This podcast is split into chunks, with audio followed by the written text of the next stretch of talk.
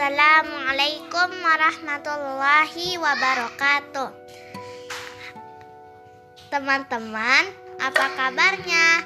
Semoga selalu sehat. Hari ini, anak akan menyampaikan tentang COVID-19.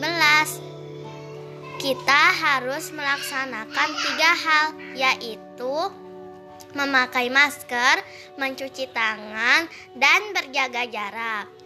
Karena sekarang lagi ada pandemi virus wa, virus COVID-19 yang melanda ke seluruh dunia loh. Nah, kita harus memakai masker, mencuci tangan atau memakai hand sanitizer kalau keluar rumah.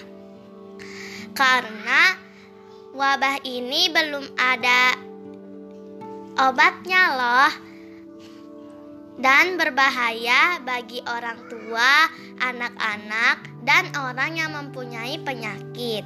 Wassalamualaikum warahmatullahi wabarakatuh.